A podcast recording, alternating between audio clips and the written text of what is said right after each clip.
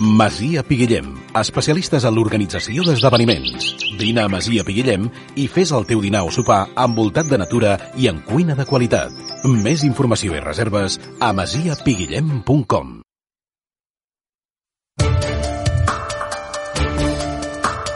A Ràdio Olot, l'economia en el punt de mira, amb Josep Lluís Navarro.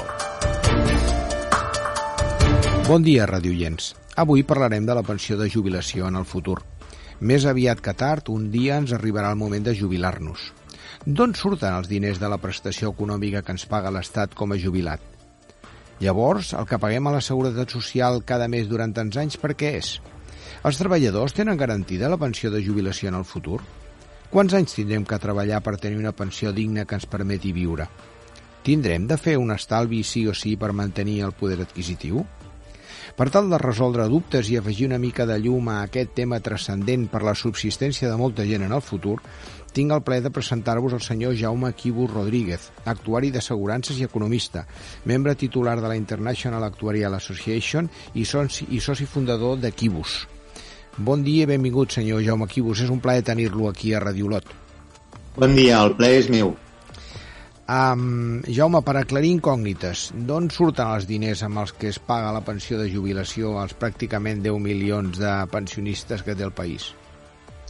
Doncs el, el pagament de les pensions eh, es basa en un sistema de repartiment, que vol dir que eh, tots els, els, els ingressos que recapta la Seguretat Social a través d'una llei que li dona competències per recaptar les cotitzacions eh, socials, que és un, després ho aclarirem, però és un salari diferit que tenen els treballadors perquè en lloc de curar-ho ara, doncs eh, ho ingressen en una caixa, que és la caixa de la Seguretat Social, i amb aquests diners es paguen les pensions amb els actuals jubilats, invàlids, biodatat o orfes. És a dir, que els cotitzants actuals el que estan fent és finançar, amb les seves aportacions, estan finançant als pensionistes actuals, amb l'esperança i la creença de que quan els arribi el seu torn eh, hi haurà uns treballadors que estaran cotitzant, i això ho anirem parlant, com funciona, que estaran cotitzant perquè ells siguin els que cobrin eh, la seva pensió. És a dir, el que estàs dient és que mentre existeixin treballadors amb actiu eh, es podrà mantenir el sistema. Uh, així bueno, és. Perdona, que, que, que estiguin en actiu i que, i que cotitzin, clar.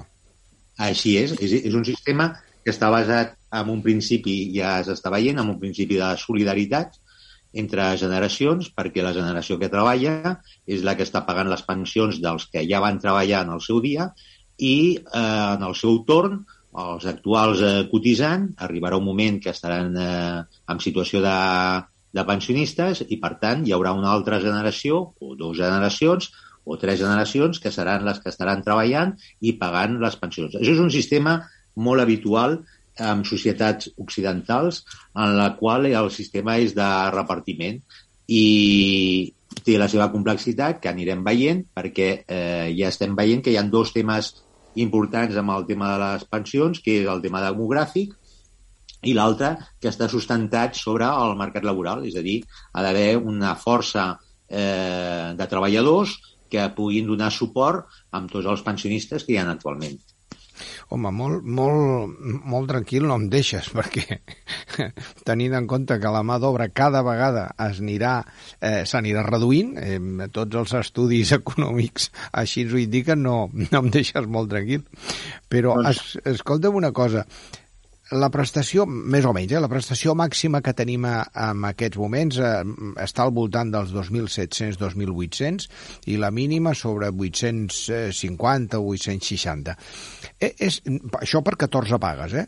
A, això és sostingut? Eh, eh, és a dir, és sostenible, perdona? Eh, es pot aguantar? Sí, clar que es pot aguantar i és totalment sostenible. El, el que hem de pensar és que això són grans números. Eh, abans deies que, que el tema del treball no et donava massa esperances, doncs bueno. jo, jo, jo t'ho dic al revés. Eh, les dades que tenim és que eh, actualment hi han eh, quasi 19 milions de, de cotitzants i en l'any eh, 2000 eh, n'hi havia 15 milions. És a dir, que n'hem guanyat 4 milions més de cotitzants. El tema dels grans números és el, el problema que, que hi ha és que eh, petites variacions al llarg dels anys es converteixen en, en grans diferències.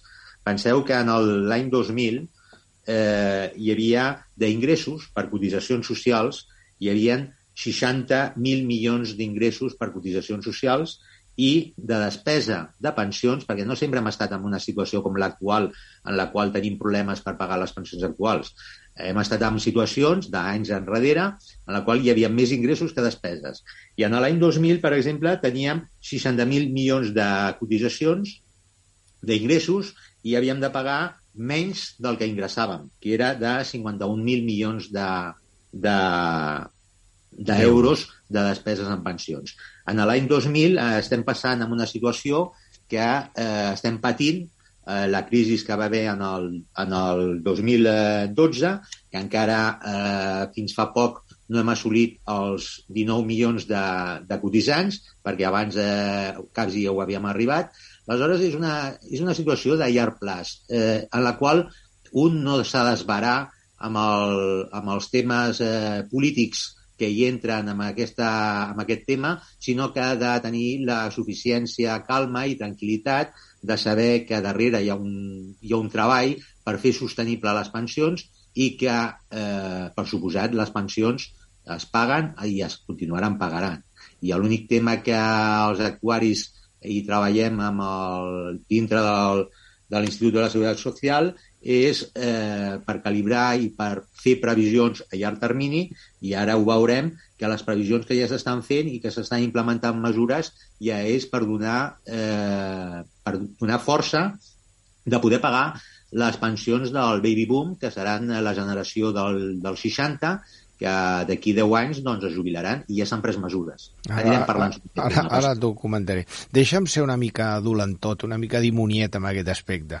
El que ens comentes, efectivament, tens tota la raó, però deixa'm dir-te que el 2000 segurament la base de cotització dels treballadors, no, no ho sé, eh, però probablement podria ser potser superior a l'actual podria ser, no, no sé. Eh? El que sí tinc clar és que cada vegada el sou mitjà eh, s'està reduint, això eh, són números. I després deixa'm dir-te una altra cosa també que m'ha sorprès, o que tampoc m'ha sorprès, però sí que està clar. És a dir, on estan els excedents de diners que tindrien que estar a la caixa de la Seguretat Social? És a dir, si ens dius que a l'any 2000 no es pagava, és a dir, es recaudava més per pagar pensions que no pas el que demanaven els pensionistes, què ha passat amb aquests diners? Doncs que hem tingut 12 anys amb, eh, amb un superàvit a la Seguretat Social, que va ser de l'any eh, 2000 fins al 2011.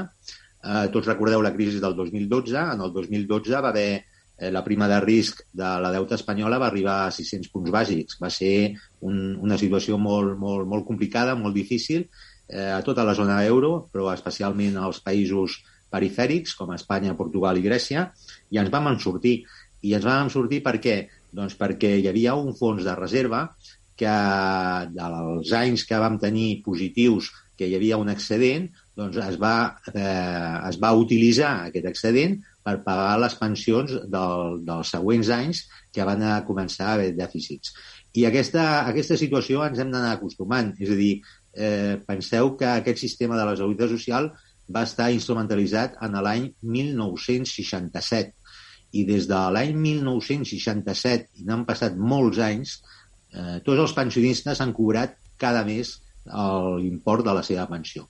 I, i amb aquesta dada, eh, que no podem fer per suposat, previsions eh, tenint en compte el passat, però sí que ens, dona, ens hauria de donar una certa tranquil·litat de que si des de l'any 67 eh, cada jubilat el, ha cobrat la seva pensió, doncs, home, eh, els següents anys també la continuarà cobrant. Espero, eh?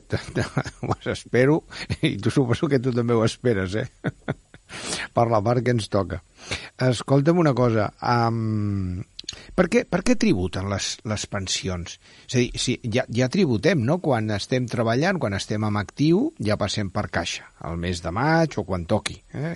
eh després, en teoria, quan cobrem la pensió, a l'Estat ens està pagant precisament, mm, bueno, tot el, ens està tornant tot el que hem, hem nosaltres anat anant aportant. Ho tenim que tornar a pagar, tenim que tornar a tributar. Doncs aquí hi ha, un, hi ha un error, hi ha un error de concepte. Després el tema fiscal és un altre marc fiscal que, que a l'estat espanyol s'ha estat posant ordre perquè penseu que no fa tant de la Lola Flores que demanava, demanava a tots els espanyols que li aportessin eh, una passeta perquè ja pogués pagar els seus impostos. Abans, això de pagar impostos era una cosa surrealista. Afortunadament, eh, en un país occidental com, com és l'estat espanyol, doncs, mica en mica ens hem anat acostumant que, que de manera col·lectiva doncs, hem de pagar impostos perquè hi ha una sèrie de despeses.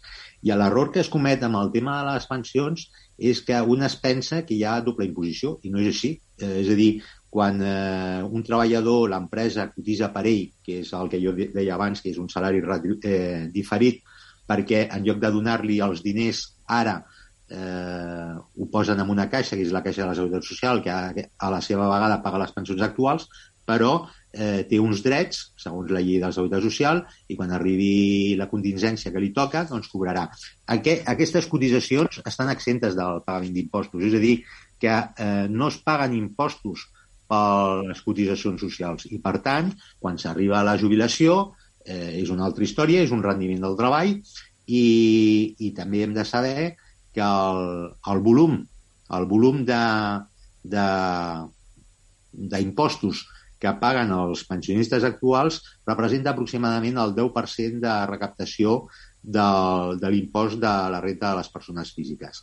I per posar-ho un concepte, un concepte europeu, eh, a mi m'agrada comparar-ho amb altres països eh, però el, el tema fiscal que, que ens pertoca, eh, aquesta, aquesta, aquesta creença de que la part baixa dels ingressos, eh, com poden ser els jubilats, eh, si no estan a la, a la part alta de la seva pensió, sinó que tenen una pensió de 1.200 o 1.500 euros, estan pagant masses impostos en relació a altres països, és totalment cert. És totalment cert.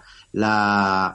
I això no és un tema de les pensions, és un tema fiscal eh, la progressivitat de, del tram de la renta no és excessivament eh, difícil i complicat i massa progressiu i penalitza, eh, sota el meu criteri, massa a les rentes baixes. A diferència d'altres països, que per exemple fins a 10.000 euros no es paguen impostos i aquí a l'estat espanyol podríem tenir molts pensionistes que estarien en aquest blindar de, de no superar els 10.000 euros i que en altre país no pagaria impostos. I, en canvi, la seva recaptació eh, d'altres països és molt més elevada. França està pagant un munt d'impostos. Però per què? Doncs perquè graven molt més les rentes altes. A diferència de l'estat espanyol, que comparativament graven poc les rentes altes i massa les rentes baixes déu-n'hi-do, déu nhi déu eh, ha, ha quedat molt clar, eh, claríssim. Tot, tot i que deixa'm dir-te que, home, quan estàs jubilat, eh, eh, eh, la retribució que obtens no és de treball, eh, perquè no treballes, no? per això et deia que, home, estic pagant... Però, bueno, és, és així i tenim que, que, que, que viure amb això. Llàstima que Portugal hagi canviat la normativa perquè haguéssim pogut anar a Portugal que estaríem més a la vora. Així és, així és. El... Això és la picaresca dels països perifèrics, no? Eh, voler captar jubilats d'altres països a, a través de l'AM de la fiscalitat. Doncs eh, Portugal eh, ho, han, eh, ho han eliminat, però ara eh, Grècia s'ha apuntat a la història. Malta, i, Itàlia, no? També. Ah, exactament. Itàlia també i també estan fent ofertes.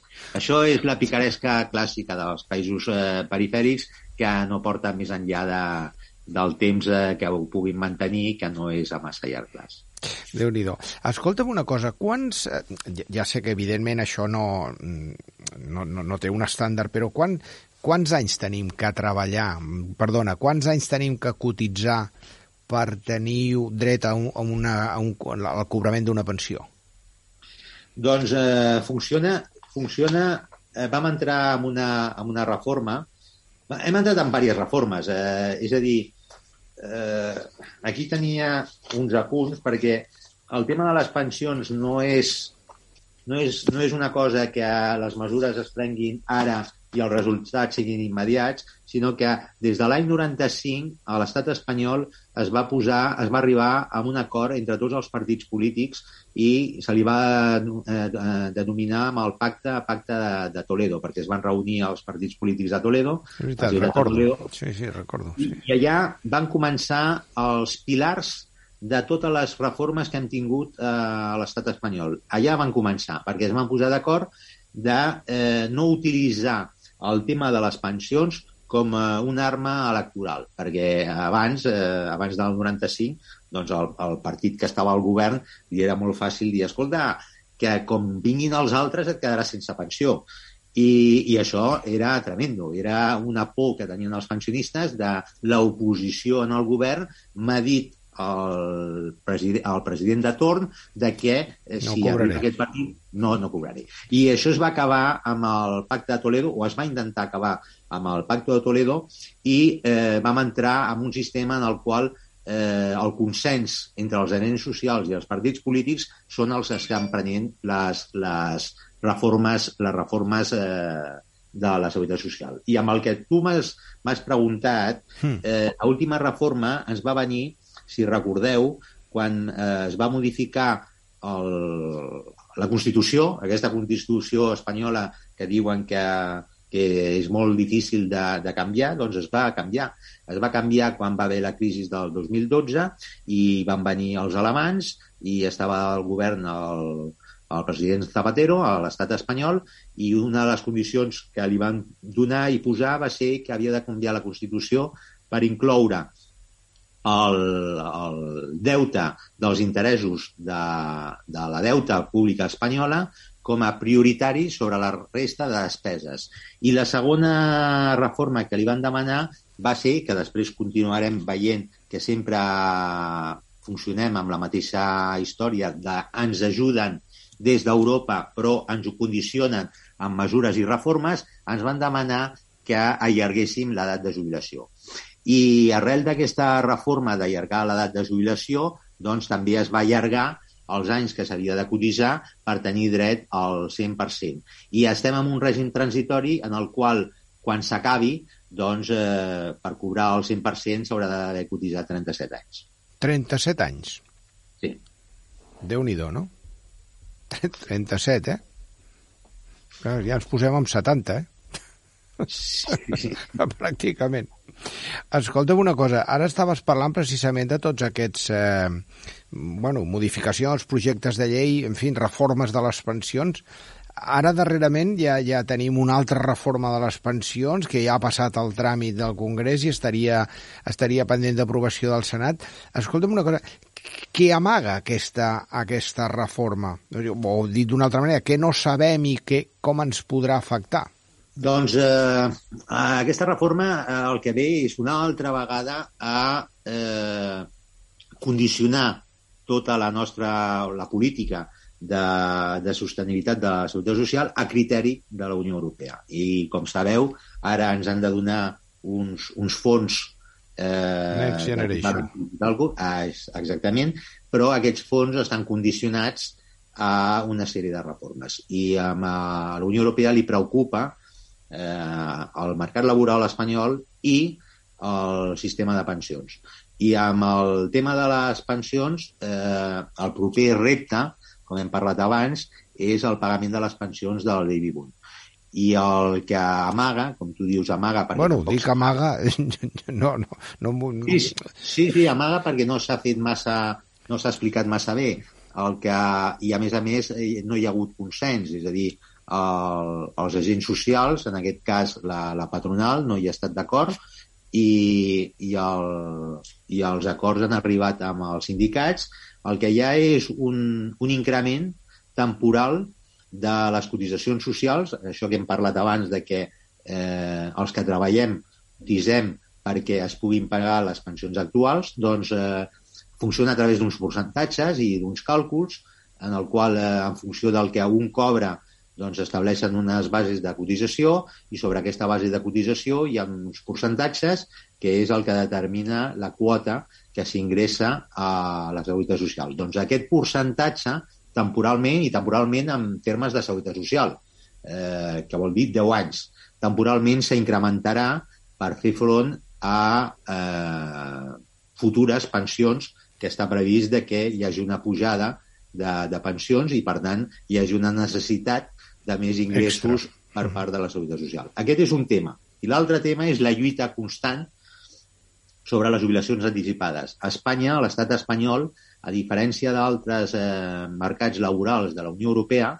eh, té una franja de treballadors que quan s'aproximen a, la, a la seva jubilació eh, el seu percentatge de gent ocupada és relativament baix comparat amb els altres països de la Unió Europea. I el que es vol és, per un costat, penalitzar les jubilacions anticipades eh, i, per l'altre costat, eh, beneficiar i impulsar les jubilacions eh, més enllà de l'edat ordinària de jubilació amb unes bonificacions per cobrar més pensió que li pertocaria tinc, tinc la sensació, eh, eh, Jaume, que és que durem massa. Eh, eh, els grans durem massa, o duren massa, no direm massa perquè jo encara pago, però duren massa i no sé, tinc aquesta sensació. Perquè, clar, després de 37 anys treballant, pagant, i ara resulta que amb un timing de 10 anys, perquè és la durada que ens estàs dient, 10 anys és molt poc sí que estem veient, jo em queda clar que amb 10 anys vista aquí es tindrà que fer alguna cosa, si no, els del baby boom, i em sembla que tu i jo ja estem allà dins, eh, no, sé com, no sé com ens ho farem.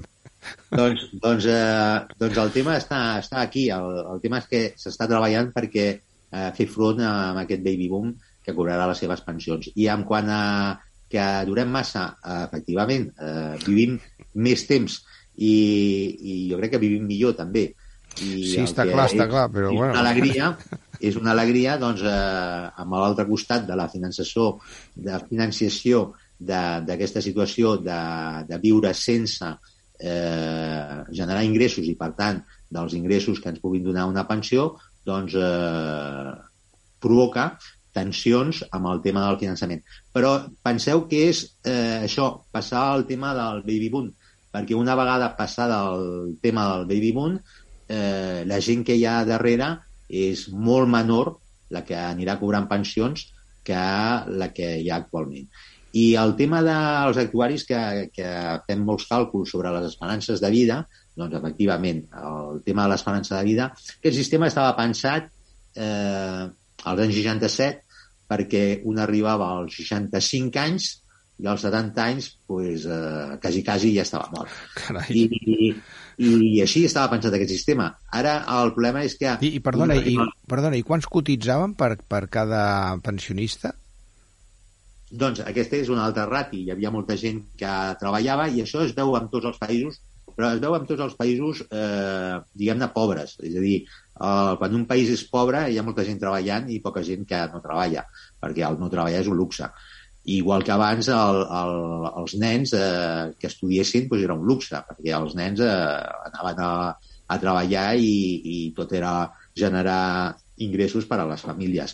Jo crec que en una situació en un país ja quan és eh, més desenvolupat doncs s'ha d'acostumar de que no hi ha tanta gent que treballa, hi ha molta més gent que ha treballat i que ha de cobrar eh, amb els recursos. I pensem una altra cosa, eh, que també ha de donar tranquil·litat. El percentatge de, dels pensionistes sobre el que produïm en l'estat espanyol eh, mai ha passat del 15%, estem al 12 al 13%. És a dir, que eh, no és tan complicat entendre de que eh, totes les generacions produeixen i, i d'aquesta producció eh, surt una renda que eh, la donem, la transferim amb aquells que van treballar en el seu dia per generar aquest, aquesta producció i per tant eh, entorn del 12% del PIB en transferències a les pensions no ens hauria de preocupar sempre i quan hi hagin mesures i reformes perquè això continuï en el futur i sigui sostenible.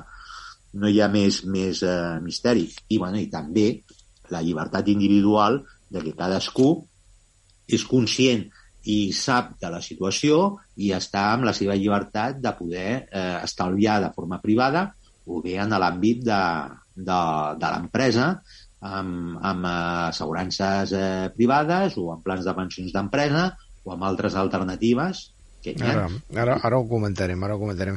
Efectivament, efectivament. Deixa'm, deixa'm aclarir que la generació del baby boom som aquells que vam néixer entre el 57 i el 77 del segle passat, perquè parlem a vegades del baby boom i no, no tenia molt, molt clar la, els nostres o, o, oients de, del tema.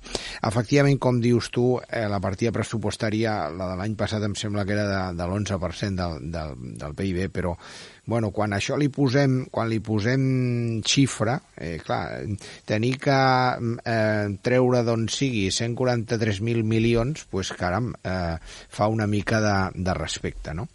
Um, ara, el que estaves comentant tu precisament uh, de, del tema de les, de les aportacions no? que pot fer, l'estalvi que pot fer eh, cadascú, no? Home, se'm, se'm venen al cap dos, dos qüestions. Una, um, la, la primera és que cada vegada els sous són més petits, és a dir, no, no és que siguin més petits, però el nivell de vida eh, puja i els sous no pugen amb la, amb la amb, en fi, amb, amb, amb la rapidesa que tindrien que pujar, per tant, el, la capacitat d'estar l'estalvi e, és limitada, no? I després et volia comentar que també hi ha hagut algunes notícies darreres que es voldria instrumentar d'alguna manera doncs el fet que eh, efectivament impulsar tot el tema d'estalvi ja sigui per una part eh, d'empresa i una part del, del treballador. Què ens pots dir? Doncs us puc explicar el, el meu cas, eh, que, és, que no és, no és eh, cap excepció, sinó que eh, és una reflexió eh, que hem de fer tots.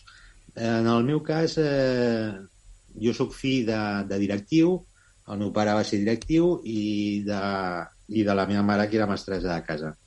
Eh, som tres germans i, i en aquella època pues, també vivia la meva àvia.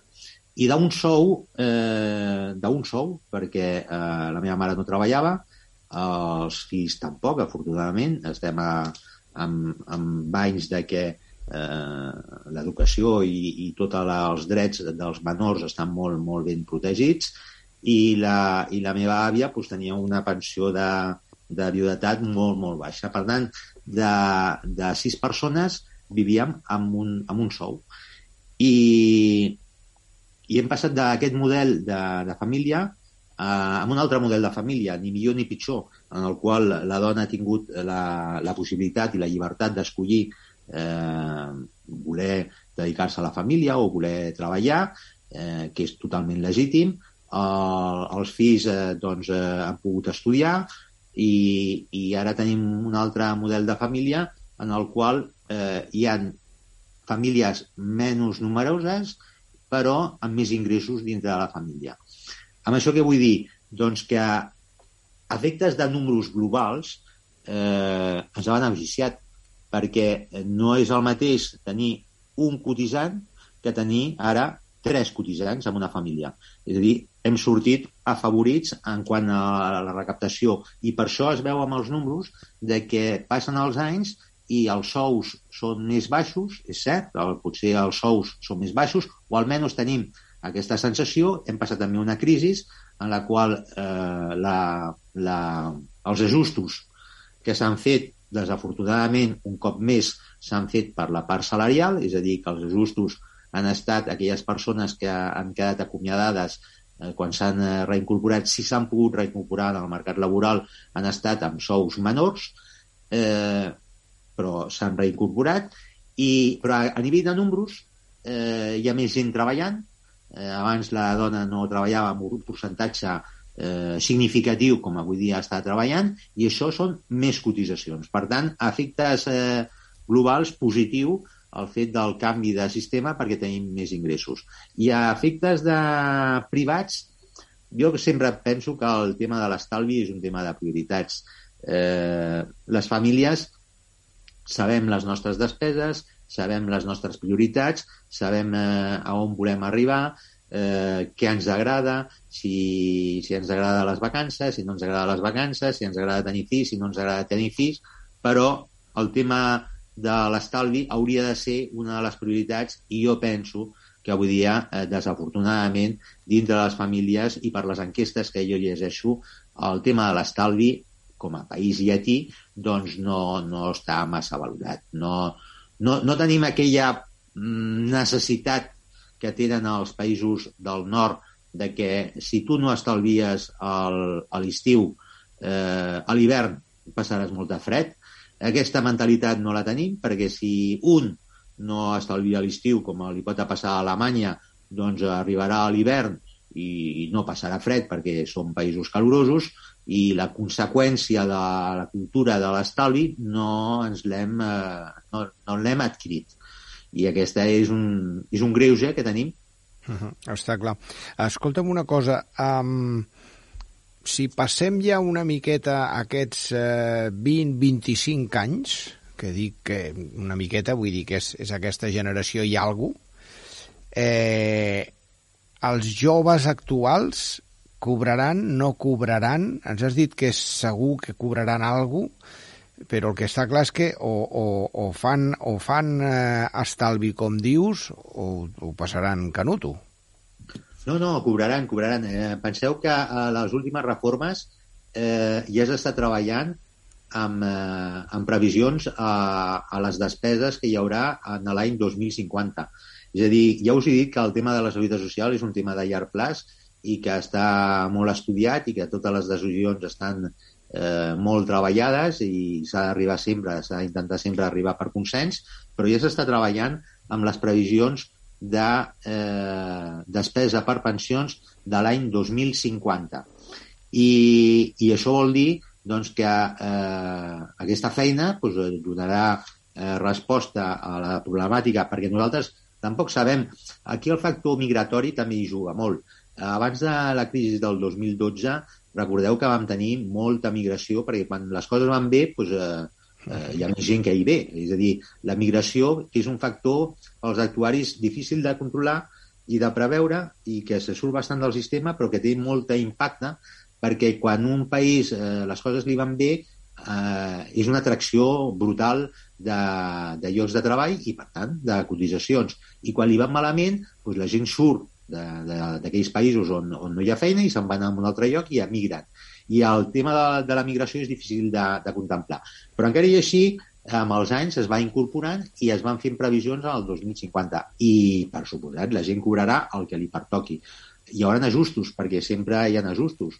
I si, si som més, doncs, eh, haurem de, ja ho hem dit, és un tema de solidaritat, és a dir, tot està basat en el tema de la solidaritat. Aquí no hi ha un sistema de capitalització individual en el qual dius jo vaig cotitzar tant i, i he de rebre en funció del que vaig cotitzar, no?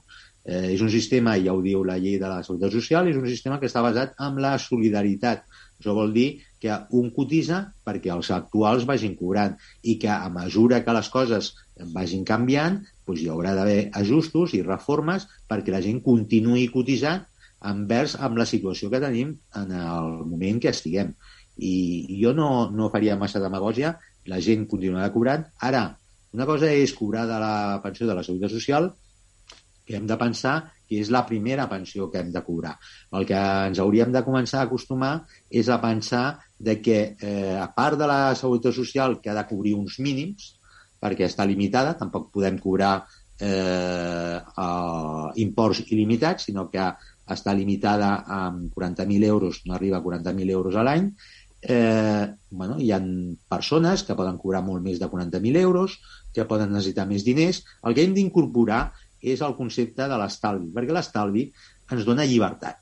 Llibertat vol dir que no hem d'estar neguitosos si la seguretat social ens pagarà o no. Depèn de nosaltres. Si nosaltres estalviem, eh, podem estar més tranquils. Si nosaltres hem fet una feina i tenim uns ingressos i som capaços de dir que hem de viure doncs, amb el 90% del que ingressem, perquè el 10% va a l'estalvi, doncs eh, a futur doncs, viurà molt millor. Està clar, això està clar. Escolta'm, parlant d'aquest estalvi, um, i, i per anar acabant ja perquè se'ns tira el temps a sobre, um, el mercat ofereix diferents, uh, diferents alternatives d'estalvi, de, de, de, em refereixo de pla de pensions, assegurances a futur, val? Um, ho dic, ho dic des del punt de vista que, com, com esmentaves tu, que l'any 2009, amb la crisi eh, de la subprime, vam veure precisament fer fallida moltes, molts plans de pensions que tenien invertits els diners, doncs no, bueno, no la van encertar, no? Um, podem confiar en les estructures actuals de, de regulació d'aquests fons de pensions on, on anem nosaltres a dipositar? La majoria m'imagino que deuen ser bancs, no? El, el, tema, el tema de la solvència, de... aquí hi ha dos temes, no? Eh, estem parlant de, de mm. solvència. Mm. El que va passar, el que va passar a, a Estats Units amb, la, amb, amb el tema de Lehman Brothers eh, no va ser el tema de les pensions. Lehman Brothers... No, bueno, deia que em refereixo que hi havia fons de pensions que havien invertit en determinats actius i aquí van perdre bous i esquelles. No, però els fons de pensió no van tenir problemes. El que va tenir problemes va ser Lehman Brothers. Bueno. I, no va ser, i, no va ser, i, no va ser, I no va ser per un tema de, de les pensions, sinó que el problema de Lehman Brothers que va tenir és perquè va assumir uns riscos que, que en els moments més complicats, que és quan es fa testos d'estrès, de, d'estressar la situació per saber si un pot fer front als riscos, doncs la gestió va ser nefasta. I quan les coses van anar malament, doncs Lehman Brothers va haver de, de plegar. No, no és el cas de les asseguradores ni dels fons de pensions. Les asseguradores, penseu que hi ha un, hi ha un règim molt estricte eh, que no té res a veure amb, amb la banca. És que les asseguradores, desafortunadament, aquí a Europa eh, no tenen la importància que té als Estats Units, que és molt més important una asseguradora que no pas un banc.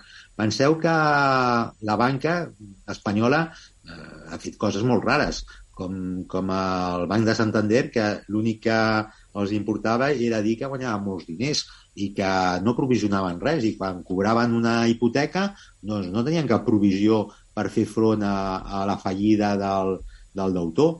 És completament diferent al sistema de, de, de pensions i de les asseguradores. Les asseguradores estem acostumats a fer provisions i, a més a més, ara, amb el tema de solvència, és no només que s'ha de fer provisions, sinó que s'exigeix un capital privat suficient per fer front a totes les obligacions.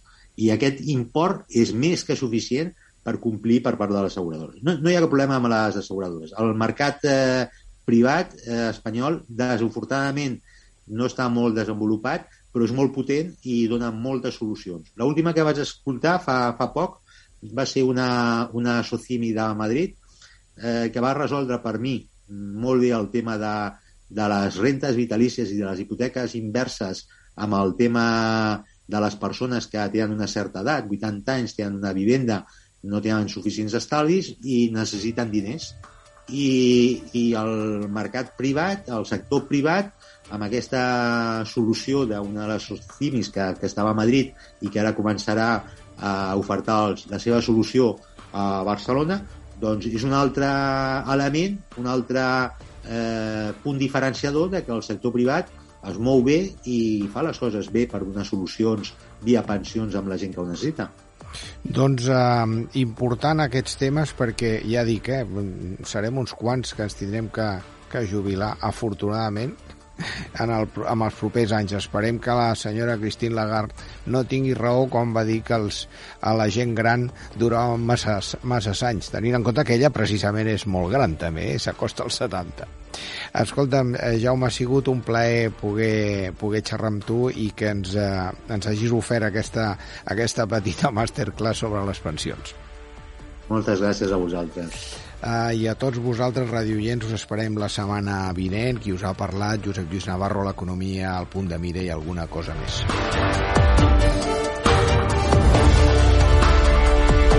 L'economia en el punt de mira, a Ràdio Olot. Ara i sempre, compromesos amb l'actualitat.